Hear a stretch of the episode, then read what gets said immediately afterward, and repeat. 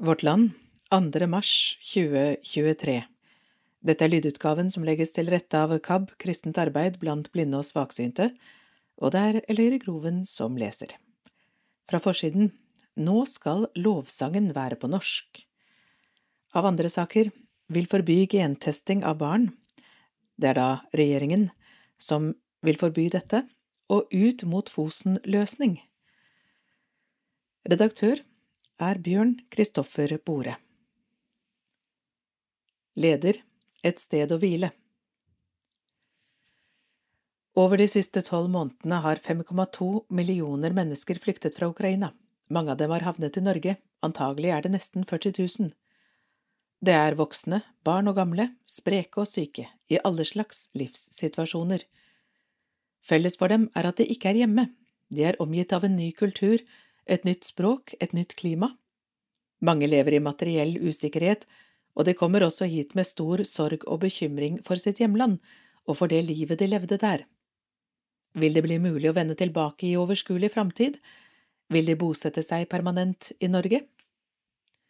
Kirker har åpnet opp. Det er vanskelig å sette seg inn i flyktningens situasjon for dem av oss som aldri har måttet forlate vårt trygge liv, men er vi villige til det, kan vi lett finne empati. Det har også veldig mange lokalsamfunn rundt om i landet gjort. Mediene har rapportert fra mange ulike steder om familier og enkeltpersoner som har det så bra som de kan ha det. Samtidig har mediene også stadig pekt på finansielle og materielle problemer i mottak av flyktningene, og ikke minst om forskjellsbehandling mellom ulike flyktninggrupper. Men ikke bare stat og kommune har åpnet armene, det har også kirkene gjort. Ukraina er et religiøst land, dominert av ulike ortodokse retninger. I Norge finnes det ikke mange kirker eller menigheter der ukrainere kan møte den samme søndagen de er vant med hjemmefra. Dette har norske aktører forsøkt å imøtekomme. Bibelselskapet var raskt ute med å legge ut en ukrainsk bibeloversettelse på nett, Den norske kirke organiserte ulike språkressurser, og ukrainske prester har blitt invitert til Norge for å holde gudstjenester.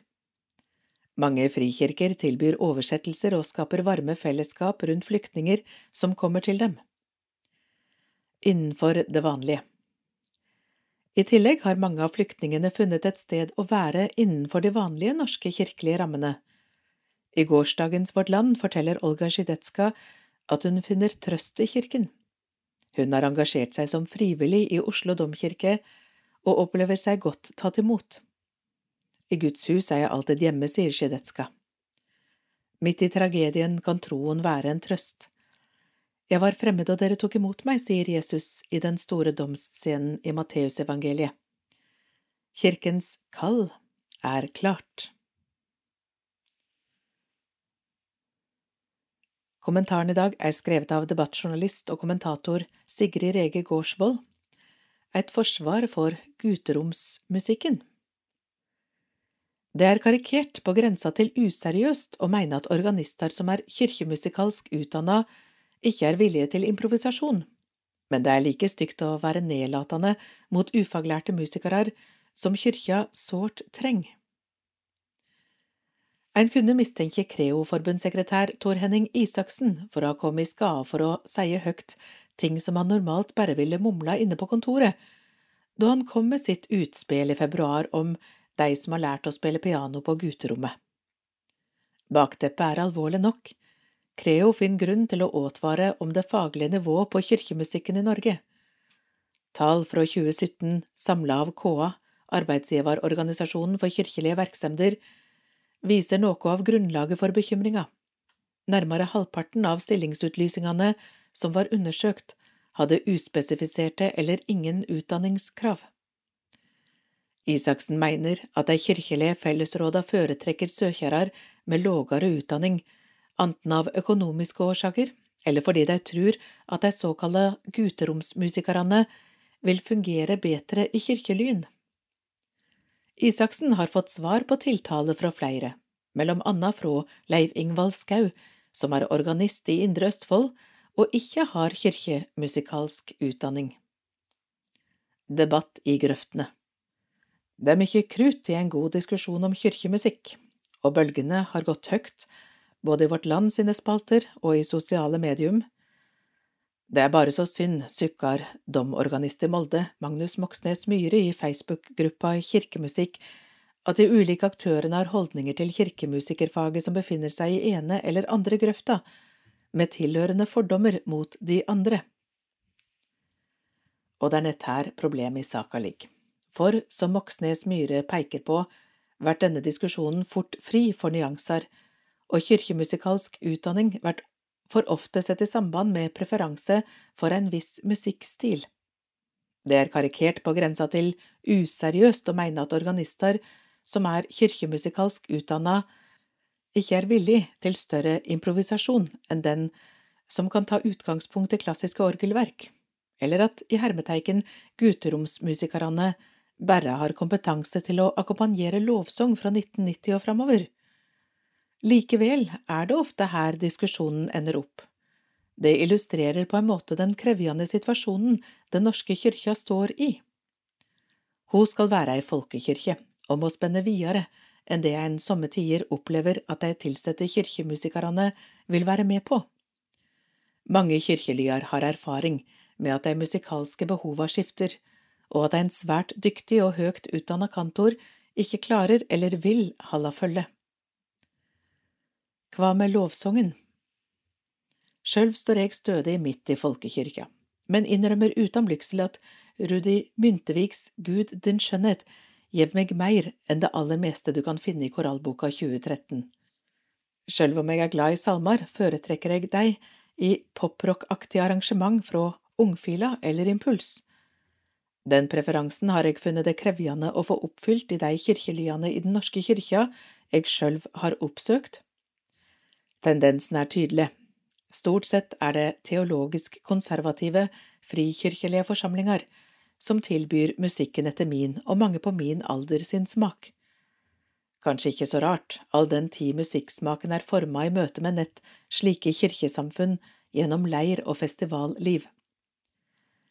Mange i omgangskretsen med liknande erfaringer melder det samme. Det er krevjande å finne en kirkelydsheim som passer både teologisk og musikalsk. Samstundes er jeg som voksen mer opptatt av lokalkyrkja enn av å få oppfylt egne musikalske preferanser. Det hindrer meg selvsagt ikke i å masse hull i hodet på min lokale prest og kantor for å få introdusert litt mer rytmisk musikk. Jeg har sjøl ei fortid på orgelbenken. Jeg gikk i flere år til ukentlige orgeltimer, uten at jeg tror det var ei spesielt høgkulturell oppleving, korkje for mor mi som var med, eller for læreren. Han er for øvrig eldst av fem brødre, og fire av de har til sammen 42 år bak seg på orgelkrakken i Bjerkreim kyrkje. Slik er nemlig også røynda ute i Den norske kyrkja, som forbundssekretær Isaksen ikke nevner, de mange, mange organistene rundt om i landet som ikke har kirkemusikalsk utdanning, men trakterer orgelet gjennom tiår etter tiår, gjerne allereie fra midt i tenåra.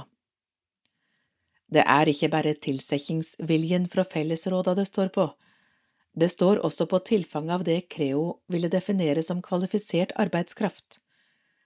Følger vi Creo og Isaksen sitt argument, ville klassisk utdanna organister fra utlandet, som vi også har mange av i Den norske kyrkja, og takk for det, for vi trenger dei, alltid være å foretrekke over en ufaglært musiker som kjenner norsk salme- og sangtradisjon. Det tror jeg med respekt å melde at ikke stemmer. Står i sammenheng. Det er bare få år siden NLA Høgskolen starta opp videreutdanningskurs i rytmisk kirkemusikk, et tilbud jeg og mange med meg applauderer. Den gangen sa Peter Sandvald til Vårt Land, en organist i en kirke må være klar over sin rolle.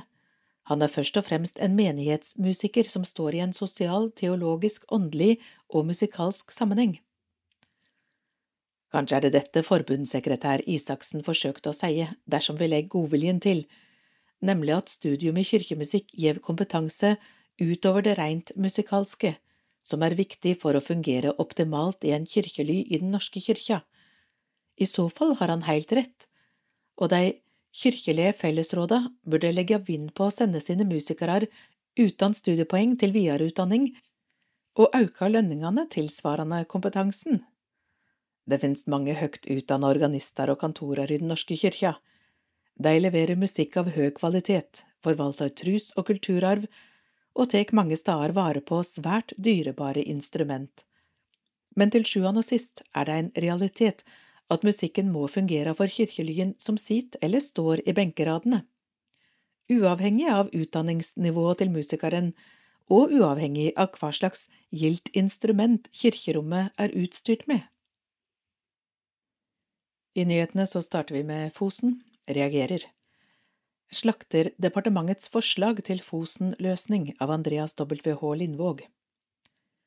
Reindriftssamers advokat kaller Olje- og energidepartementets forslag til løsning på Fosen-striden for totalt urealistisk. Han mener OED ikke klarer å godta at de tok feil, og at et annet departement bør følge opp Høyesteretts dom.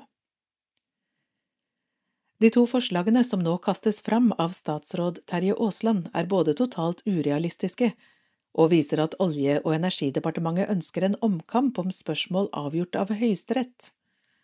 Det skriver advokat Jon A. Lange, som representerer de samiske reindriftseierne i Nord-Fosen-sida, i en e-post til Vårt Land.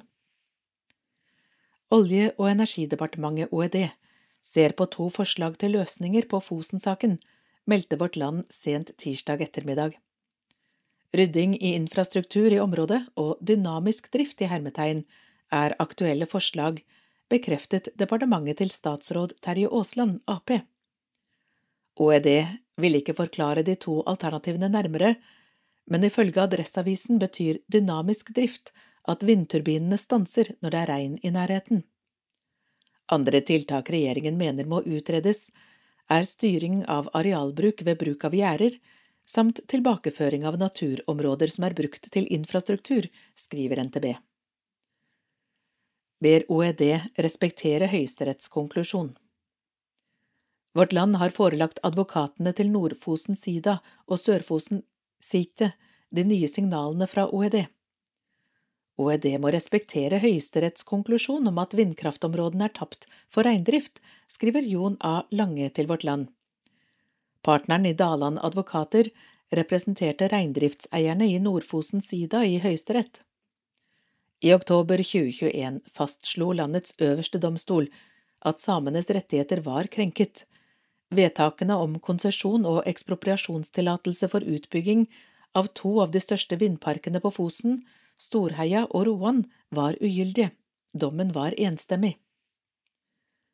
De nye forslagene fra OED illustrerer godt at det er problematisk at OED har ansvaret for oppfølgingen av dommen, skriver advokat Lange videre.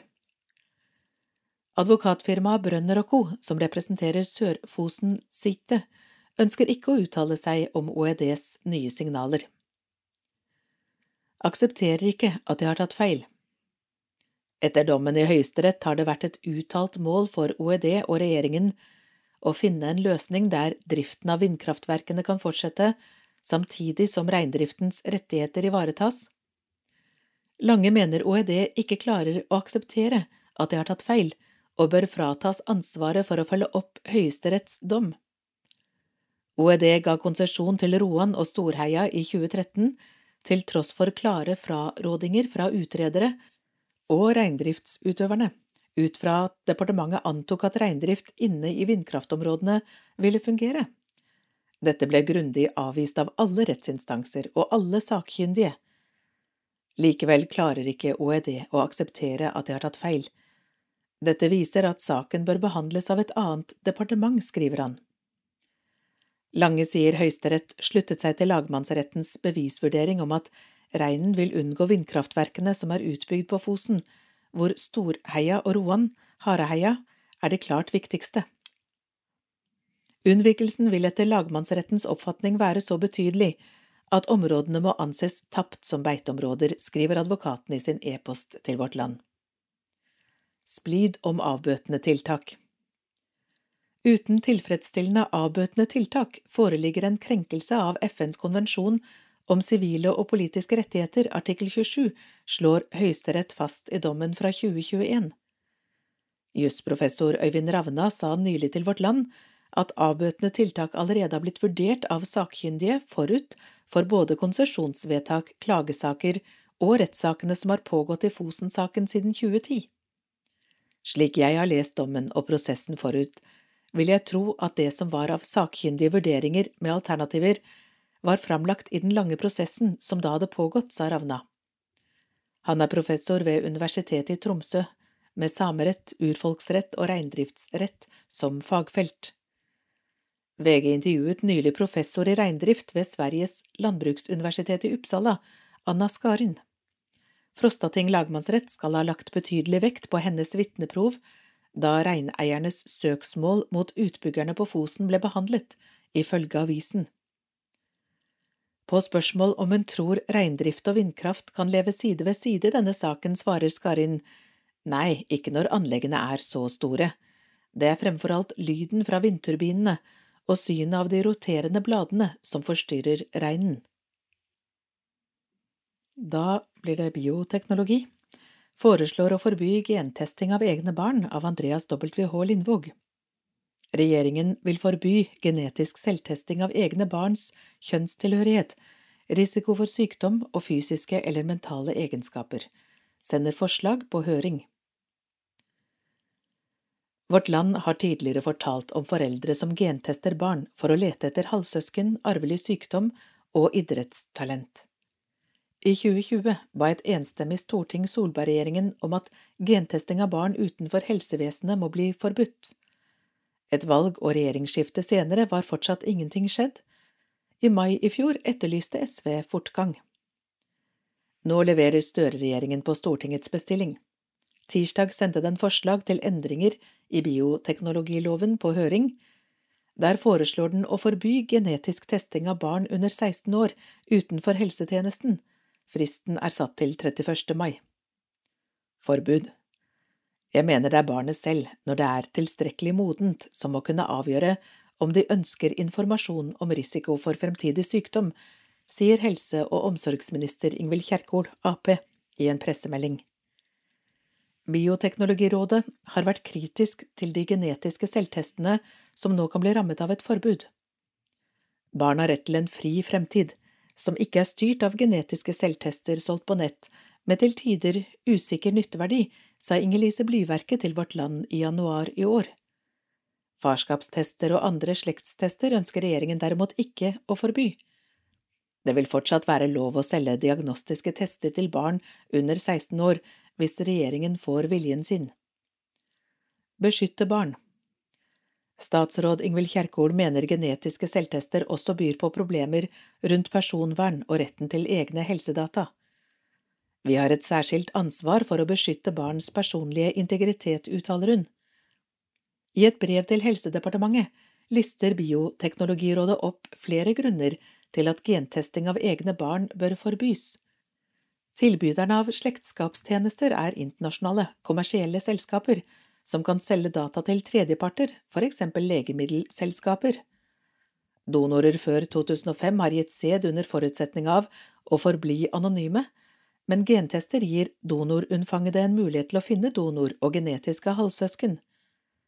Funn fra kommersielle slektskapstester og eventuell kontakt fra donorunnfangede kan også berøre andre familiemedlemmer, som donors partner og egne barn.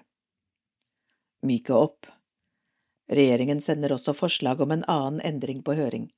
Den vil myke opp bioteknologilovens regler for genetisk undersøkelse av celler fra befruktede egg, preimplantasjonsdiagnostikk, PGD. Høringsutkastet understreker at regjeringen ikke vil endre på hovedvilkåret for å kunne tilby PGD, nemlig kravet om at det må være fare for å overføre en alvorlig arvelig sykdom. I stedet foreslår regjeringen å åpne for at PGD, i noen særlige tilfeller, skal kunne tilbys selv om verken kvinnen eller mannen har fått påvist at de er bærer av genforandringen som kan overføre den alvorlige sykdommen til barnet, skriver regjeringen i en pressemelding. Regjeringen har spesielt følgende tilstander for øye, Huntingtons sykdom samt arvelig bryst- og eggstokkreft, BRCA. Da skal vi til tilrettelegging og kjønn. Vil ha mannlig prest i begravelsen, av Caroline Teinum Gilje og Jord Julstad Tvedt. I Nord-Norge opplever Den norske kirke at pårørende ønsker en mannlig prest i begravelsen. Viktig at avdødes ønsker respekteres, sier Nils Einar Samuelsen, leder for den læstadianske Lyngen-retningen. Det er ikke første gang vi får spørsmål om å stille med mannlig prest, sier fungerende biskop i Nord-Hålogaland, Stig Legdene. Mange har reagert etter at det nylig ble kjent at Straumfjordnes skole i Nordreisa har beklaget overfor alle foresatte etter at en kvinnelig prest i Den norske kirke holdt julegudstjeneste for elevene. Den læstadianske skolen har et bibelsyn som innebærer at det kun er mannen som skal forkynne. Ifølge legdene kan ikke skolen forvente at kirken vil imøtekomme eventuelle ønsker om en mannlig prest til dette formålet. I Nord-Norge møter prester imidlertid også på andre lignende spørsmål, som ifølge legdene er mer krevende enn hvilken prest som skal lede en skolegudstjeneste. Det hender vi får spørsmål fra pårørende som ønsker en mannlig prest i begravelsen, ikke fordi de kjente avdøde eller dennes familie, men på grunn av kjønn. Vi skal selvfølgelig ikke diskriminere kvinnelige prester, men jeg synes det er vanskeligere å gjennomføre disse viktige prinsippene om likestilling i møte med mennesker i dyp sorg. Ny rapport om likestilling Slike dilemmaer er blant temaene som reises i en fersk rapport om likestilling, inkludering og mangfold, LIM, i Nord-Hålogaland bispedømme. Rapporten er utarbeidet av et utvalg i bispedømmet og ble ferdigstilt før jul. Rapporten skal de neste to månedene drøftes i et partssammensatt møte og bispedømmet og blir offentliggjort i april. Legdene, som til vanlig er domprost i Tromsø, har vært med å utarbeide rapporten. Utvalget ble nedsatt etter at blant andre Nord-Hålogaland bispedømme kom dårlig ut i en rapport om kvinnelige presters arbeidsmiljø i Den norske kirke våren 2021. I forkant av undersøkelsen slår bispemøtet fast at ansatte ikke kan reservere seg mot samarbeid med kvinnelige prester, men bør kirken også ta hensyn til ønsker fra medlemmer som risikerer å diskriminere kvinnelige ansatte. Mennesker i sorg I Nord-Hålogaland bispedømme, som omfatter menighetene i Troms og Finnmark, er problemstillingen særlig aktuell i møte med læstadianere. Denne gruppen er mot kvinnelig prestetjeneste, men flere av grupperingene, slik som Lyngen-retningen, har et tett forhold til Den norske kirke. Enkelte steder utgjør læstadianerne en stor del av menigheten, ifølge legdene. Se for deg at vi blir kontaktet av et eldre læstadiansk ektepar hvor mannen er død og kona sitter igjen. Kona vet at mannen mente at kvinnelige prester var mot Guds ord, og føler at en kvinnelig prest i begravelsen blir helt feil overfor mannen sin. Da står vi i et dilemma om det er en kvinnelig prest som ellers skulle ha forrettet ved begravelsen. Hvorfor det? Å bruke en kvinnelig prest er krevende for familien i en sårbar situasjon. Det kan forsterke sorgen. På den annen side er det vanskelig å se det som noe annet enn diskriminering og be kvinnen trekke seg fra begravelsen. Dessuten, hvilken mannlig prest vil egentlig være med på å lede en slik begravelse, som lett oppfattes som å være ukollegial? Hva ville dere gjort i dette konkrete tilfellet? I dette tilfellet ville vi, dersom vi har nok prester til å utføre begravelsen, drøftet dette med de pårørende og den kvinnelige presten. Det er heller ikke enkelt for henne å gå inn i denne begravelsen. Trolig ville det endt med at vi brukte en mann dersom dette var ok for den kvinnelige presten. Leie av Guds hus Andre tilfeller bærer preg av gråsoner. Vi vet at det kan forekomme press fra det læstadianske miljøet som gjør at de sørgende føler at de må be om mannlig prest, selv om de ikke selv har en like sterk overbevisning i det teologiske spørsmålet. I slike tilfeller kan det være vanskelig for oss å vite hva vi skal gjøre. I LEM-rapporten har utvalget skissert andre dilemmaer som berører kvinnelige prester. Det vises blant annet til tilfeller der Den norske kirke leier gudshus eid av blant annet Den læstadianske forsamling. Her finnes det klausuler om at kvinner eller prester med et liberalt samlivssyn ikke får forrette gudstjeneste i lokalet. Ifølge legdene skal bispedømmet framover diskutere om de skal slutte å imøtekomme slike ønsker, men å sette ned foten kan få konsekvenser. Vi ønsker selvfølgelig ikke at kvinnelige prester skal bli diskriminert, men ved å avslå ønskene til for eksempel læstadianerne risikerer vi at båndene til dem blir kuttet. Dette er noe av dilemmaet i det som skal drøftes. Enda viktigere er det at mennesker i sorg kan rammes. Hvor utbredt er ønsker om prester av et bestemt kjønn? Det er ikke et kjempestort spørsmål, men det er absolutt til stede. Må være pragmatisk. Det er viktig at avdødes ønsker respekteres. Hvis man har hatt ei overbevisning hele livet, blir det ikke riktig om den overbevisninga ikke blir respektert ved livets avslutning. Her tenker jeg at kirken må være pragmatisk. Det sier Nils Einar Samuelsen, som er predikant og leder for den luthersk-lestadianske menigheten Lyngenretningen. Han sier at spørsmålet om muligheten til å reservere seg fra enkelte prester har blitt aktualisert fra tid til annen de siste åra, særlig etter at Julie Skjøtt Jovik ble ansatt som den første kvinnelige presten i Nord-Troms prosti i 2019. Vi har hatt en jevn dialog med Den norske kirke og biskopen. Stort sett har vi opplevd dialogen som fruktbar men jeg opplever kanskje at klimaet har endret seg de siste åra, særlig etter bispevedtaket i 2020. Vedtaket Samuelsen sikter til, er bispemøtets uttalelse om reservasjonsrett for prester som er imot kvinners prestetjeneste. Den slår fast at en slik mulighet ikke eksisterer i Den norske kirke. Mer pragmatisk ved begravelser Samuelsen forteller at trossamfunnet han leder, henter sitt læregrunnlag fra de lutherske bekjennelsesskriftene og ikke minst Bibelen. Dette mener læstadianere ikke er forenlig med kvinnelige forkynnere. Vi står for den samme luthersk-evangeliske bekjennelsen som kirken, i hvert fall slik den var for inntil 60 år siden, det er ikke vi som har forandra oss. Samuelsen sier at de har vedtatt et noe mer pragmatisk syn på hvorvidt prester med et liberalt samlivssyn kan få rett bryllup og begravelser. Dersom det ikke er mulig å få tak i en prest med et syn som sammenfaller med deres lære, kan det i noen tilfeller åpne opp for at vedkommende likevel kan stå for seremonien. Men hva gjelder kvinnelige prester, holder menigheten fast ved at det ikke er ønsket, sier predikanten. Samuelsen forteller at læstadianerne historisk har hatt tette forbindelser med Den norske kirke, og at Lyngen-retningen fortsatt ønsker å bevare en god relasjon. Folk i menigheten er glad i og støtter opp om kirken, sier Samuelsen. Han har selv sittet i det lokale menighetsrådet siden han var 20 år gammel. Foreslår løsning Menigheten har flere ganger luftet muligheten for å ansette en ambulerende prest som kan betjene de læstadianske samfunnene. Ifølge Samuelsen har kirken vært positiv til forslaget, men de siste åra har dialogen stoppet litt opp. Vi opplever at biskopen ikke har evnet å ta tak i dette, og at han ser problemer i stedet for løsninger. Ifølge Samuelsen framstilles en slik løsning som vanskelig, men han viser til flere historiske eksempler på at det er mulig. Tidligere har bispedømmet både hatt prostiprester som jobber på tvers av menigheter, og ambulerende prester for samer, når de har flyttet seg mellom reinbeiteområdene, forteller han.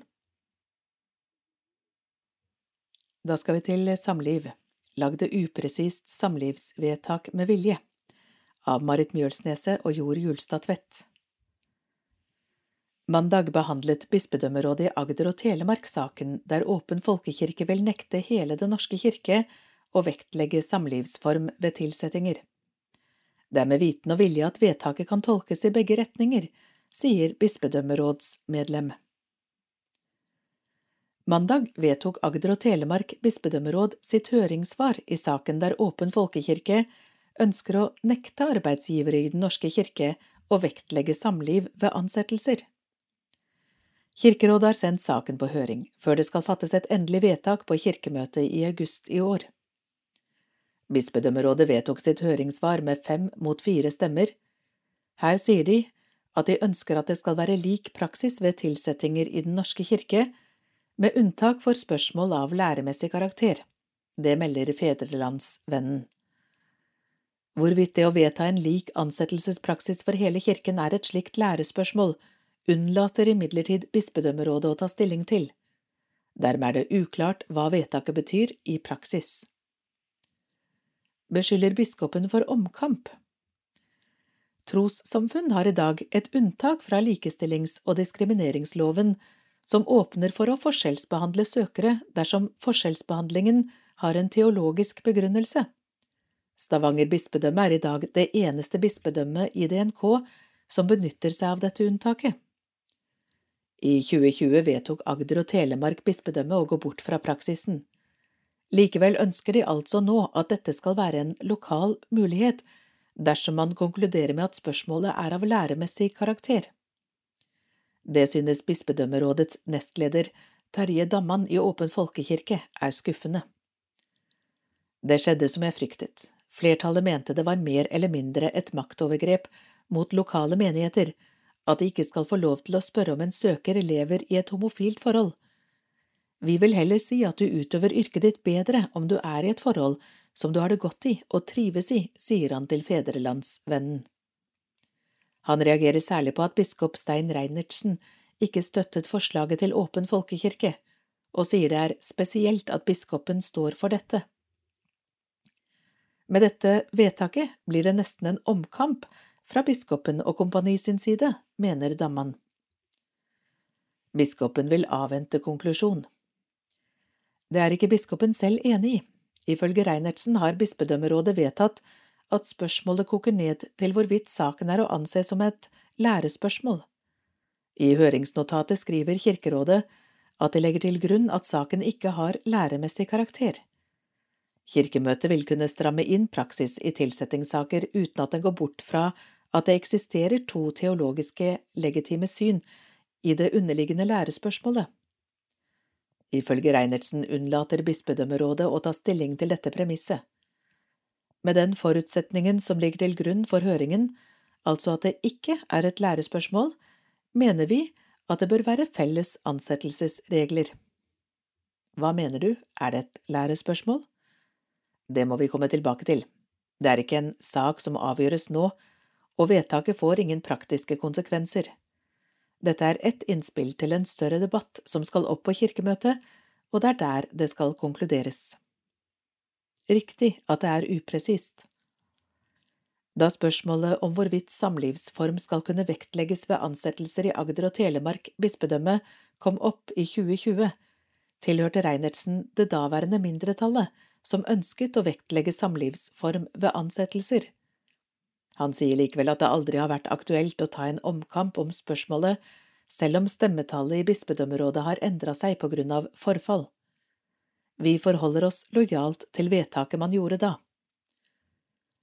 Ettersom man ikke tar stilling til premisset for høringsutlysningen, kan jo vedtaket tolkes begge veier, hva tenker du om det? Det er riktig at det er upresist, men vi har vært opptatt av å gi et samlende svar som samtidig gir et signal inn mot debatten som skal tas på kirkemøtet. Det er der avgjørelsen skal fattes. Forvirrende med vilje Markus Westermoen sitter i bispedømmerådet og stemte selv for høringssvaret som fikk flertall. Også han sier man prøvde å finne et vedtak alle kunne stille seg bak. Han håper likevel at Kirkerådet skjønner at de prøver å sende et signal om at de ikke vil gi sin støtte til Åpen folkekirke sitt vedtak. Er det uheldig at det blir forvirring rundt hva dere faktisk mener? Jo, kanskje det, men så er dette bare en høringsuttalelse. Det er kirkemøtet som avgjør spørsmålet, sier Vestermoen, som mener man lokalt bør ha anledning til å vektlegge samlivsform ved ansettelser. Da skal vi utenlands og til menneskeretter, uroa for kristne i Nicaragua, av Marit Mjølsneset. Utenriksminister Anniken Huitfeldt, Ap, er uroa for situasjonen i landet. Representanter fra kyrkja har i aukende grad vært spesielt forfulgte, sier hun. Tidligere denne måneden ble den katolske biskopen Rolando Alvarez dømt til 26 års fengsel i Nicaragua. Han ble også fråtatt sitt nicaraguanske statsborgerskap og pålagt ei bot på om lag 16 000 kroner. Han ble dømt dagen etter at han nekta å reise i eksil sammen med 222 andre politiske fanger. Det var i august i fjor at Alvarez ble arrestert og sikta for samansverging og spredning av falske nyhende. Biskopen har vært en frittalende kritiker av regjeringa til president Daniel Ortega, som han skylder for religiøs undertrykking. Stempla som forrædere. Dette er bare én av flere døme på at presidenten har gått etter kirkelige representanter. Mellom annet har han stengt ned flere katolske radio- og fjernsynsstasjoner, arrestert ei rekke prester, prestestudenter og utvist katolske nonner og misjonærer. Mange representanter for den romersk-katolske kyrkja i landet er uttalte menneskerettsforkjempere. 9. februar i år ble 222 personer, i hovedsak politiske fanger, løslatne og frakta til USA. Samtidig ble de fråtekne sine nicaraguanske statsborgerskap og blei av styresmaktene stempla som forrædere av fedrelandet. Veka etter leid 94 andre nicaraguanere i eksil en liknande skjebne. De blei fråtekne statsborgerskapene sine, og en domar meldte at all eiendom de har i Nicaragua, blir konfiskert. Blant denne gruppa er flere journalister. Spør hvordan Norge reagerer. I et spørsmål til utenriksminister Anniken Huitfeldt Ap spør stortingsrepresentant Dag Inge Ulstein KrF hvordan Noreg har reagert overfor Ortega-regimet på bakgrunn av deres brudd på menneskerettene, deriblant trusfridommen og forfyllinga av kirkelige representanter og andre kritikere i landet.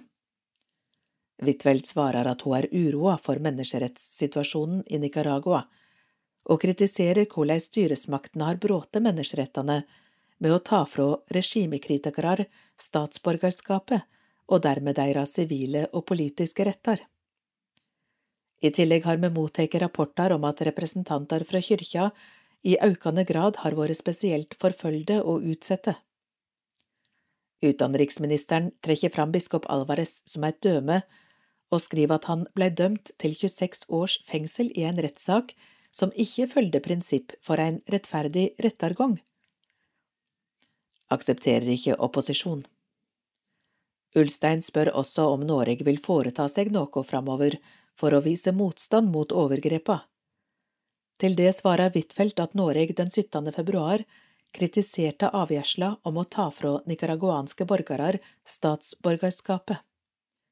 Hun refererer også til at Norge har jobbet med resolusjoner om Nicaragua gjennom FNs menneskerettsråd, og at en støtter organisasjoner som overvaker menneskerettssituasjonen i landet. Tidligere har statsviter og latinamerikakjenner Vegard By uttalt seg om situasjonen i landet til Vårt Land, Daniel Ortega aksepterer ingen form for opposisjon. Dette handler om makt, og ikke om trusfridom. Da blir det verdidebatt, og vi starter med bibeloversettelse. Innlegget er skrevet av Svein Åge Christoffersen, professor emeritus. Slaveri eller frihet i Kristus.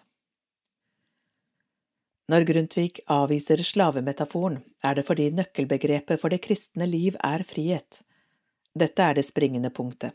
Det handler ikke om oversettelse av et enkelt ord, men om en grunnleggende forståelse av hva det vil si å være en kristen. Øyvind Haraldseid og Jorunn Økland forsvarer i VL 16. februar bruken av ordet slave som nytestamentlig betegnelse på det nye livet i Kristus. Grundtvigs, og for så vidt også min, kritikk av slavemetaforen blir avvist med at Grundtvig ikke var bibeloversetter. Språkbruken er interessant. Haraldseid og Økland kaller seg bibeloversettere. Vi som er uenige med dem, blir kalt for meningsytrere.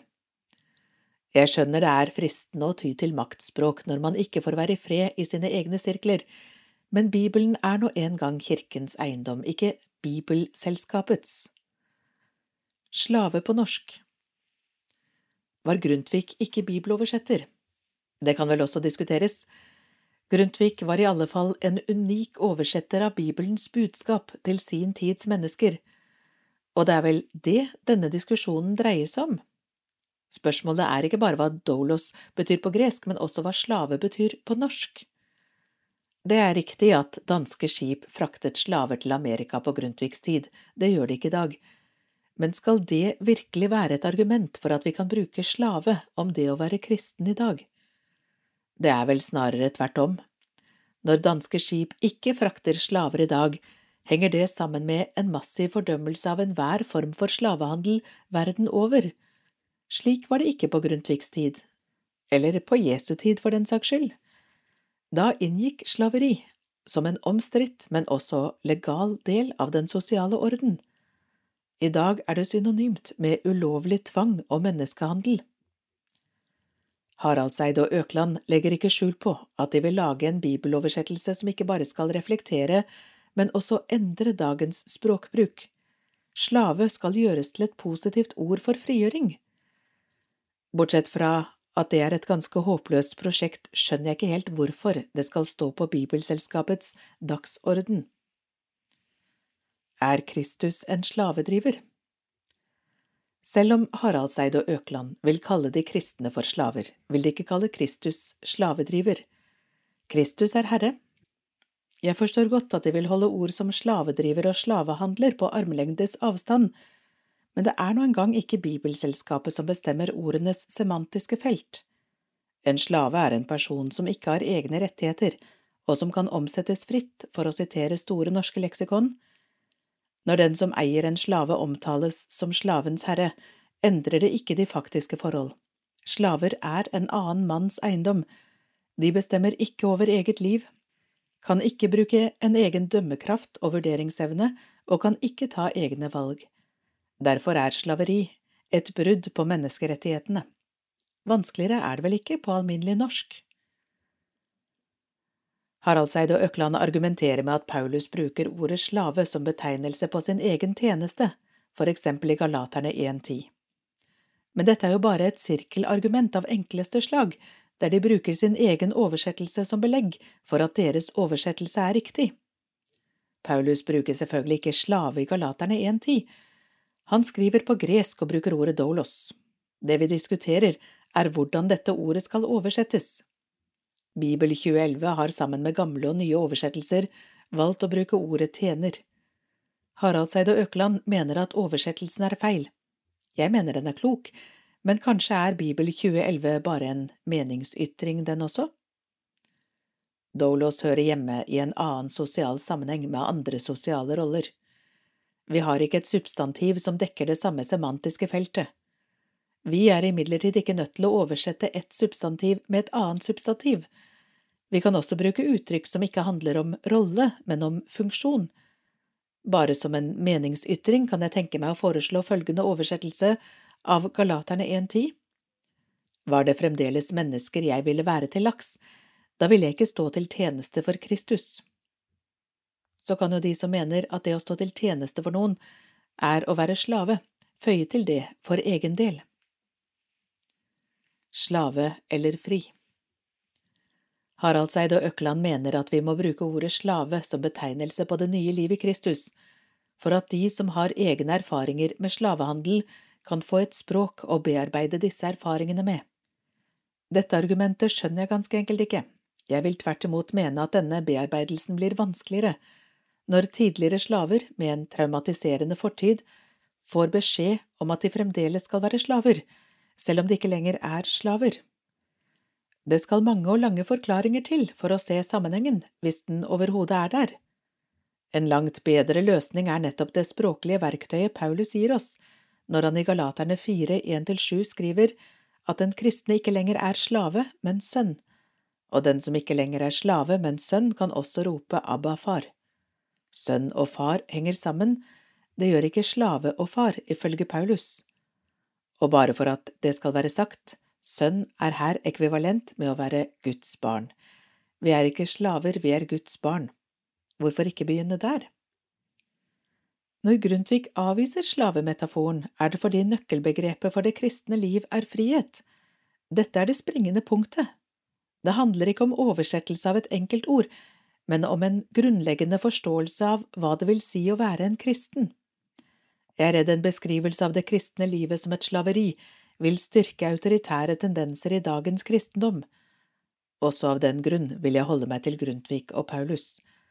Overgangen fra å være slave under synden til et liv i Kristus er ikke en overgang fra et slaveforhold til et annet, men fra slaveri til frihet. eller sagt med Paulus' egne ord i Galaterne 5.1, Til frihet har Kristus frigjort oss, stå derfor fast og la dere ikke tvinge inn under slaveåket igjen. Heller ikke språklig, vil jeg tilføye.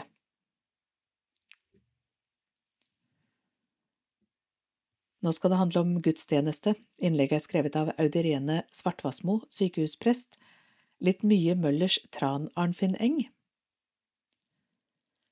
Jeg tenker at kirken, i betydningen det gudstjenestefeirende fellesskap av troende, kan dø ut. Det vil ikke si det samme som at Gud er død. Kunne ikke vært mer uenig, skriver Arnfinn Eng i et motsvar til min spalte Quo Vadis-kirken i VL 12. februar. På selve valentinsdagen, som han understreker flere ganger, skrev jeg en betraktning om det jeg mener er en ærlig måte å snakke om det som skjer med kirka og gudstjenesten i vår tid. Personlig tror jeg kjærligheten har best kår i et klima der det er rom for å sette ord på det vi opplever og erfarer. Kanskje lever jeg tettere på sekulariteten i arbeidet mitt som sykehusprest enn Eng gjør som menighetsprest. Han beskriver i alle fall en virkelighet jeg ikke kjenner meg igjen i. Jeg forholder meg daglig til en verden som ikke lenger har kirken, troen, Jesus og Gud på kartet, sånn er det bare. Men som jeg også understreker i mitt innlegg, betyr det ikke at det ikke finnes tro eller lengsel etter noe større hos menneskene. Det vi på et litt blomstrende kirkespråk kan kalle en himmel over livet, men folk flest trenger altså ikke kirken i livene sine. Å mene at de gjør det, men bare ikke forstår det selv, oppfatter jeg som manglende respekt for deres opplevelse av seg selv og sine liv. Det er en provoserende uttalelse og bringer tanken hen på fordums misjonsvirksomhet. Han mener selvsagt ikke å være nedlatende overfor menneskers liv, men det er vanskelig å lese det annerledes. Gud er Gud om alle land lå øde. Eng ser gudstjenesten som pulsslaget som pumper det livgivende blodet rundt i kroppen. Når hjertet slutter å slå, dør kroppen. Enig. Men at gudstjenesten dør, betyr ikke det samme som at Gud dør, slik jeg ser det. Det kan selvsagt hende at det er slik, men jeg håper ikke Gud har gjort seg avhengig av at gudstjenestene feires. Kirka med stor K er større enn den kirka som er synlig. Guds rike er like gjerne skjult som årer under jorden, som vind i treets krone, for å si det med Svein Ellingsen, eller med Petter Dass, Gud er Gud om alle land lå øde, Gud er Gud om alle mann var døde. Engs erfaring er at gudstjenestene oftest holder høy kvalitet. Jeg deler ikke den erfaringen. Jeg blir ofte nedstemt over det jeg opplever som slett håndverk. Likevel tror jeg at gudstjenesten virker, uansett kvalitet på gjennomføringen. Jeg har trua på orda og sakramentene, for å si det slik. Jeg blir bare ikke spesielt glad av å gå i kirken, dessverre. Jeg tror på alle tings gjenopprettelse. Jeg tenker at kirken, i betydningen det gudstjenestefeirende fellesskapet av troende, kan dø ut. Det vil ikke si det samme som at Gud er død, men om så var, om det skulle komme til en ny langfredag og Gud døde nok en gang, medførte jo det noe fint sist det skjedde.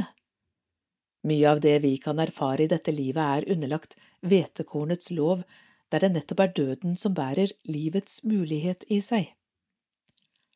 Det hadde vært fint om flere delte min interesse for kirka, for liturgier og kirkeårets gang, men jeg frykter ikke konsekvensene av at det ikke er tilfellet. Jeg tror på alle tings gjenopprettelse, med eller uten ord og sakramenter, med eller uten en siste troende på jorden. Når det kommer til Gud, er jeg optimistisk. Så er jeg nok en smule resignert når det gjelder kirken. Jeg lever med det. Da skal vi til kultur og lovsang. Lovsang er mest pop på norsk, av Kristin Knutsen. Norske lovsangsartister velger norsk fremfor engelsk. Det handler om en lengsel etter det autentiske og ekte språket, sier Caroline Netland, som har skrevet en av de mest populære lovsangene. Møtet med Gud blir nært og ekte når jeg bruker mitt eget språk. Det har vært en lengsel etter det autentiske og ekte språket i lovsangen, sier Caroline Neteland, 29 år. Sammen med ektemannen Thomas Neteland har hun skrevet lovsanger siden 2011. Den mest populære, Frihet fra 2016, har hele 1 545 276 avspillinger. At den er skrevet på norsk, er ikke tilfeldig. Det har vært veldig viktig for oss å ta eierskap til eget språk. Noen syntes kanskje lovsang kan lyde litt kleint på norsk, for meg føles det mer autentisk, påstår Netland. Vi ber jo og snakker med Gud på norsk, legger hun til. Netland peker på det hun mener kan være en tendens i lovsangen. Hun tror folk kan være redd de store ordene i den norske lovsangen, og derfor ville distansere seg fra dem med å skrive på engelsk. Selv har hun funnet glede i det å formidle på morsmålet, og føler at den norske lovsangen knytter henne nærmere Gud. Selv har jeg ledet engelsk lovsang der jeg ikke har peiling på hva jeg synger. Jeg ville derfor ta eierskap over eget språk, for hvem skal man egentlig skrive for? Selv skriver jeg lovsang for kirken min, landet mitt, og for å hjelpe til med å spre budskapet om Gud. Fra engelsk til norsk Det er ingen tvil om at norske lovsangsartister har blitt begeistret for å synge på eget morsmål. Vårt lands dypdykk i strømmetallene til landets største lovsangsartister på Spotify viser at alle de mest populære sangene er skrevet på norsk. Låtskriver og lovsanger David André Østby har pallplass på lovsangstoppen med låten Gi meg Jesus fra 2014, den har blitt lyttet til hele 1 572 761 ganger på Spotify, noe som gjør den til en av landets mest populære lovsanger. Selv har han vært låtskriver på over 150 låter, og mener det har vært et tydelig skifte fra engelskspråklig til norsk lovsang. Han er selv en av lovsanglåtskriverne som i dag primært skriver lovsang på norsk. Jeg tror det var rundt 2008 eller 2009 at flere lovsangsledere fra min generasjon fikk en ny frimodighet til å skrive lovsang på norsk, i stedet for hovedsakelig å skrive på engelsk. Østby trekker frem Rudi Myntevik, Paul Grønseth og Impuls som foregangsfigurer i skiftet fra hovedsakelig engelsk til norsk formidling av lovsang. Den kristne ungdomsbevegelsen Impuls har tre låter som har bikket over én million avspillinger på Spotify. En hel katalog på norsk. Vi har produsert én engelsk låt som heter Light of the World. Det skjedde i 2003, men før og etter det består kun katalogen vår av lovsang på norsk, sier Sindre Fontenes Suppellen, som er medlem av lovsangsbandet Impuls. Den kristne ungdomsbevegelsen jobber med å skrive og produsere lovsang på norsk. Impuls har gjennom årene reist rundt med hovedsakelig norske låter i bagasjen for å lede folk inn i tilbedelse og disippellivet. Ifølge Suppellen produserte Impuls deres første norske lovsang for 15 år siden, og har følt på et ansvar for å skape noe som oppleves nært for mange. Gruppen på 18 medlemmer har derfor utviklet en rekke brukssanger på norsk de tar med seg når de reiser rundt i landet gjennom konseptet Impuls on Tour. Norske lovsangsartister skriver jo primært på norsk, som David André Østby. Jeg tror det føles mer intimt enn å synge på et annet språk man ikke kjenner like godt, sier Suppellen om deres valg om kun å produsere norsk lovsang. Gjennom bestillingsordninger kan kirker og menigheter leie inn et av Impuls sine lovsangsteam. Her kan menigheter og kirker etterspørre temaer og budskap for lovsangen. Suppellen sier at det ofte går i bestemte temaer eller budskap når de blir leid inn, og at det ikke er så mange språklige preferanser. Ofte hentes sangene de bruker, fra Impuls norske katalog, selv om det finnes unntak. Det er jo en tradisjon for å oversette engelsk lovsang til norsk. På denne måten får vi også tilgjengeliggjort disse lovsangslåtene for flere. Her forleden oversatte vi en versjon av Give Me Jesus av Upper Room som fikk veldig god respons. Jeg tror det er noe med det at lovsangen treffer dypere når den er på ditt eget språk. Da får den innpass hos alle aldre og blir en betydelig større del av folks liv. Det kule 2000-tallet Ifølge Østby har det ikke alltid vært slik at det var naturlig at lovsangen skulle være på norsk. På nittitallet var mye av lovsangen på engelsk og hentet inspirasjon fra utlandet. På tidlig 2000-tall skulle man være litt kulere. Vi så ofte til internasjonale lovsangsmiljøer for inspirasjon. Da ble også tekstene gjerne på engelsk for å prøve å nå ut internasjonalt. Jeg tror mange følte at det å skrive på norsk ikke var bra nok på den tiden, sier Østby. Østby er i tillegg til å være låtskriver i Norge ansatt i Integrity Music i Nashville, der han skriver engelsk lovsang. I Norge strømmes lovsangen derimot best når den er skrevet på norsk.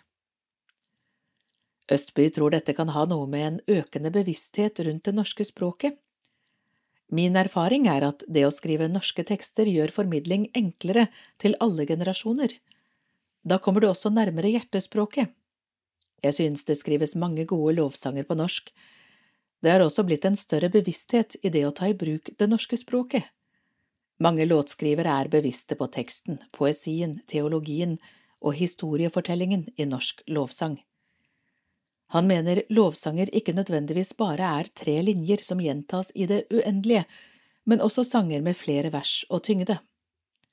Samtidig har vi fått større frimodighet på å bruke det norske språket, og finner ord som ikke oppleves som banale eller kleine, sniker han inn.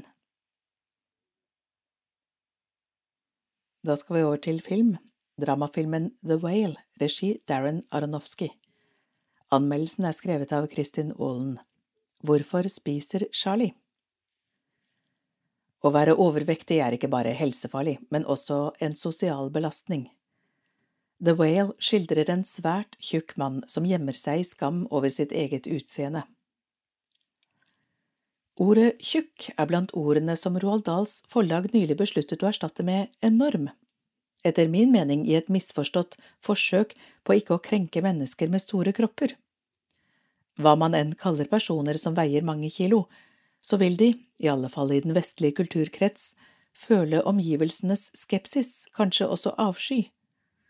Det er derfor Charlie, en dyktig engelsklærer, ikke slår på kamera når han driver et nettbasert kurs i essayskriving. I zoom-bildene på skjermen ser vi studentenes ansikter, men hans rute er svart, bare hans dype, behagelige stemme lyder. Et døende hjerte.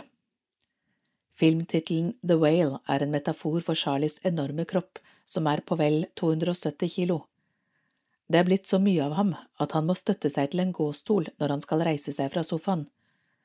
Det pløsete fettet fra all sjokolade, pizza og annen junkfood han har spist de siste årene, disser fra mage og rygg. Han puster og peser som en hval. Overvekten er blitt en ekstrem påkjenning for hjertet, Blodtrykket er så høyt at han kan dø når som helst. Du må på sykehus nå, bønnfaller Liss, en kvinne som trofast kommer innom og sjekker hvordan Charlie har det, men han nekter. Hvorfor han ikke vil, og hvorfor hun bryr seg, rulles opp etter hvert. Den kunstige omformingen og sminkingen av skuespiller Brendan Frasers kropp til den omfangsrike Charlie er imponerende godt laget. Ikke rart filmen har fått en Oscar-nominasjon for håndverket. Det gjør vondt å se på Charlie, fordi det minner om det store antallet amerikanere som er fanget i enorme kropper. Noe av årsakene er at sunn mat er dyrt og stillesitting langt mer utbredt enn i Norge. Mange nordmenn er likevel på god vei til å bli overvektige, skal vi tro norske folkehelseeksperter. Menneske-Charlie det merkes at The Whale opprinnelig er et teaterstykke om en mann som gjemmer seg i leiligheten sin fordi han skammer seg over sitt utseende. Når regissør Darren Aronofsky omformer historien til filmlerretet, forblir vi innendørs det aller meste av tiden. Det kjennes klaustrofobisk, men slik er hovedpersonens liv blitt. Regissørens empatiske prosjekt er å få oss til å se den følsomme Charlie inni den digre, døende kroppen. Hovedpersonen har ikke hele livet vært overvektig, så hva har skjedd med ham? Slik vi en gang lærte å spørre Hvorfor drikker Jeppe i Holbergs tragikomedie, må vi nå undres over hvorfor Charlie spiser. Om personkonstellasjonene holder å si at Charlie får besøk av sin 17-årige rasende datter Ellie. Hun føler seg sviktet etter at han flyttet hjemmefra da hun var åtte år gammel. Den unge mannen Thomas banker på døra og presenterer seg som misjonær for kirken New Life. Han vil gjerne frelse Charlie før han dør. Hovedpersonens alkoholiserte ekskone Mary dukker også opp, og altså den trofaste hjelperen Liz. Hvem forstår Charlies behov best? Hvem vil han hjelpe før hjertet sier stopp? Mye av filmen består i samtaler mellom hovedpersonen og de besøkende, slik at fortidens hendelser rulles opp. Tonen er ofte aggressiv og hissig, noe som gjør at filmen unngår å havne i det sentimentale, men tidvis blir kranglingen så voldsom at den er slitsom å høre på og nærmer seg det melodramatiske, dessuten akkompagnert av overtydelig musikk, men på sitt beste åpner samtalene for ømhet og kjærlighet. Homofilt par Smått om senn blir det avdekket hendelser som gjør det forståelig at Charlie har trøstespist de siste årene. En viktig dimensjon i The Whale er at han flyttet fra kona og datteren fordi han ble glad i en mann, Alan. Atter en gang tematiseres kristnes negative forhold til homofili ved at vi får vite hvordan medlemmer i en menighet fordømte at Charlie og Alan ble samboere. I filmens nåtid eksisterer ikke Alan lenger. Det som skjedde, er ytterst tragisk. Kristne som var involvert, kommer på ingen måte ut av historien med æren i behold. Som engelsklærer er Charlie godt kjent med litterære verk. Han bønnfaller sine besøkende om å lese høyt fra et håndskrevet essay som tolker Moby Dick, en 1800-tallsroman av Herman Melville. Om bord på hvalskuta Pekod blir fortelleren Ishmael venn med sydhavsøybeboeren Quequeg. Dette har blitt tolket som et homofilt forhold. Essayets positive framstilling gir Charlie stor trøst fordi essayskribenten er en person han er glad i, altså et menneske som ikke fordømmer ham. Hvordan dette henger sammen, avdekkes mot slutten. The Whale lykkes på sitt beste med å vise oss det bankende, omsorgsfulle hjertet i Charlies ødelagte kropp. Spillet til Fraser som Charlie og Hong Chau som Liss har fortjent fått hver sin Oscar-nominasjon. Det svakeste i filmen er framstillingen av misjonæren Thomas, som gjennomgår noen brå krumspring fra manusforfatterens hånd, hvilket gradvis gjør ham til filmens minst overbevisende skikkelse.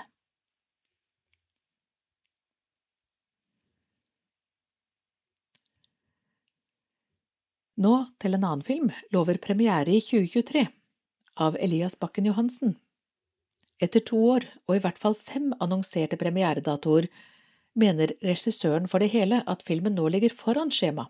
Vi skal ikke bli den nye Kampen om Narvik, sier Harald Flem høsten 2021, november 2022, januar 2023, mars 2023, desember 2023.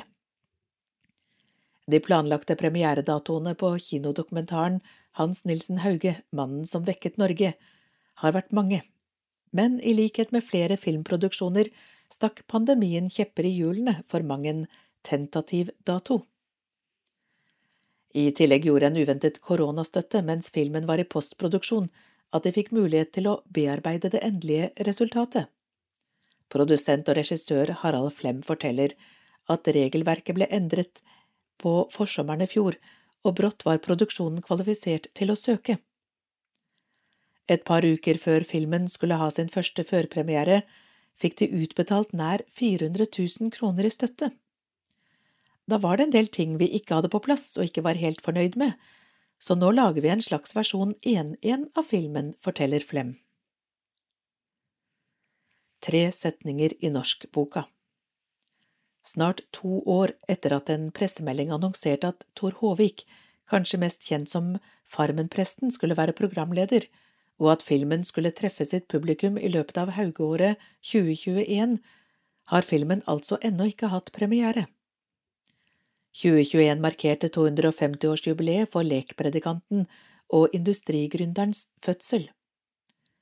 Litt av utfordringen med Hauge er at dersom du spør unge voksne om hvem han er, så leste de kanskje tre setninger om ham i norskboka, Var de ikke der i den timen, aner de ikke hvem han er. Det later ikke til at Flem bryr seg nevneverdig om at jubileet røk. Han vedgår at det ville vært passende timing for investorer så vel som for Hauge-entusiaster, men bemerker at denne filmen ikke først og fremst er myntet på dem. Vi vil nå nye målgrupper, særlig unge mennesker, og de fleste har ikke snøring på når det er jubileum. Vi taper nok litt på at vi ikke får utnyttet en sånn dato, men målet er at filmen skal kunne leve i mange år fremover og kunne brukes i konfirmasjonsundervisning og Den kulturelle skolesekken, og da er det ikke så kritisk. Endres etter testvisninger. Premiereutsettelser til tross, om lag 5000 mennesker har allerede sett en versjon av filmen, ifølge produksjonsselskapets estimater. I fjor sommer inviterte de nemlig til en rekke førpremierer på flere kristne stevner, der noe av hensikten var å bruke kristne som testpublikum. I løpet av 75 minutter klarer vi ikke å dekke alt om Hauge, så sånn sett vil du alltid skuffe noen. Men de som har sett filmen hittil, er kanskje de som kan regnes som Hauge-fans, og det er viktig med deres tilbakemeldinger, sier Flemme. Regissøren bemerker at det er helt vanlig med testvisninger, bare at de har fått kjørt dem på et større publikum enn vanlig. I juli i fjor ble dokumentaren vist for drøye 1500 publikummere i Oslofjord Convention Center, en visning bransjeorganisasjonen Film og Kino mente var den største publikumsvisningen for en dokumentarfilm i Norge. Senere ble filmen vist i Saronsdal i Kvinesdal og på Oase i Fredrikstad. Siden da har vi jobbet med en slags repakketering. Vi bruker tid på en del elementer jeg ikke var fornøyd med i fjor, sier Flem. Han er samtidig klar på at filmen, som etter hvert får ordinær kinopremiere, ikke er noen dramatisk annerledes versjon enn det testpublikummet ble vist. Det er ikke store endringer, men det vil gi mer luft og freshe filmen opp litt. Tror ikke de som har sett førpremieren skal føle seg snurt, men filmen vil få en visuelt penere og ryddigere fremstilling. Ny premieredato Filmen er en slags hybrid mellom drama og dokumentar. I tillegg til losing av nevnte Tor Håvik, gestalter Odin Våge, kjent fra NRK-serien Rådebank, Hauge selv i flere dramatiserte sekvenser. Dramatiseringen er viktig for oss, for det er et pedagogisk virkemiddel for å nå unge, mener Flem. Han håper samtidig at dramascenene kan gi en smakebit på en potensiell spillefilm. Produksjonsselskapet Hans Media hadde opprinnelig ambisjoner om både dokumentar og spillefilm, men Flem forteller at de ikke fikk finansiert sistnevnte. Hvis filmproduksjonen fortsetter i samme tralt, kan man se for seg at kalenderen viser 2024 før filmen når det store lerretet, og det ville kanskje gjort opp for den årelange forsinkelsen Neste år er det nemlig 200 år siden Hans Nilsen Hauges død. Regissøren er på sin side klar på at 2023 blir året, men tror den annonserte premieredatoen fort flyttes enda en gang. Det kan godt hende at den kommer vesentlig tidligere. Vi skal ikke bli den nye Kampen om Narvik. Vi bestemte oss for å sette en dato som gir oss litt slingringsmonn. Jeg har som mål å være ferdig lenge, lenge før desember i år. Hva med 200-årsjubileet i 2024? Hvis noen kan gi oss meget overbevisende argumenter om at det skulle generere mange seere, så for all del, det ser flott og fint ut med et jubileum, men når vi skal nå en bredere målgruppe, så er ikke det så førende. Det er som sagt veldig få som vet datoene rundt Hauge.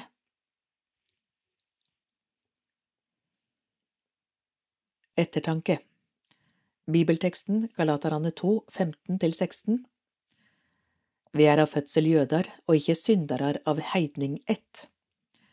Men da vi skjøna at ikke noe menneske blir rettferdig for Gud ved gjerningar som lova krev, men berre ved trua på Jesus Kristus, da setter vi òg vår lit til Kristus Jesus, så vi kunne seiast rettferdige ved trua på Kristus, og ikke ved lovgjerningar for ved lovgjerningar blir ikke noe menneske rettferdig.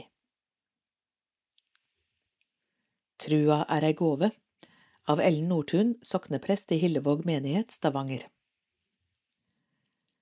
I de første kristne kirkelyene var det mange jøder som gikk over til den nye trua i hermeteiken. Ei stor utfordring for de nye kirkelyene var derfor å trekke skiljelinjene mellom kristendom og jødedom. Mange predikanter reiste rundt og forkynte ei blanding av kristendom og jødedom. De som Paulus skriver til i dagens bibelord, bodde i Galatia, som var navnet på det som i dag er det sentrale Tyrkia. Noen hadde fortalt deg at for å være kristen så haldt det ikke å bare være døypt og tru. Paulus skriver krast i brevet til galaterne.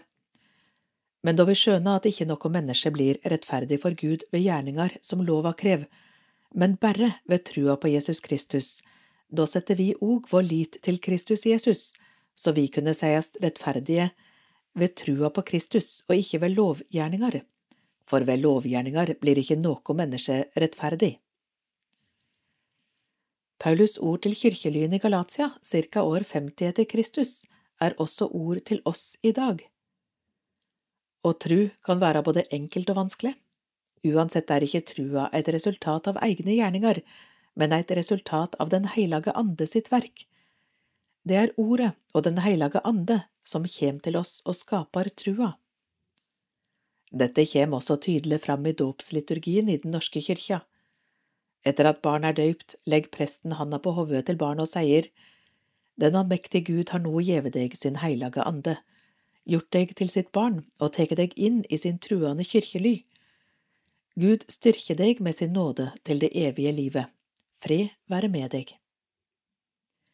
Det kan vel ikke tydeligere sies at trua ikke er avhengig av den intellektuelle utrustinga til den som mottar den. Trua på Gud er ei gåve til oss, som er gitt i kjærleik.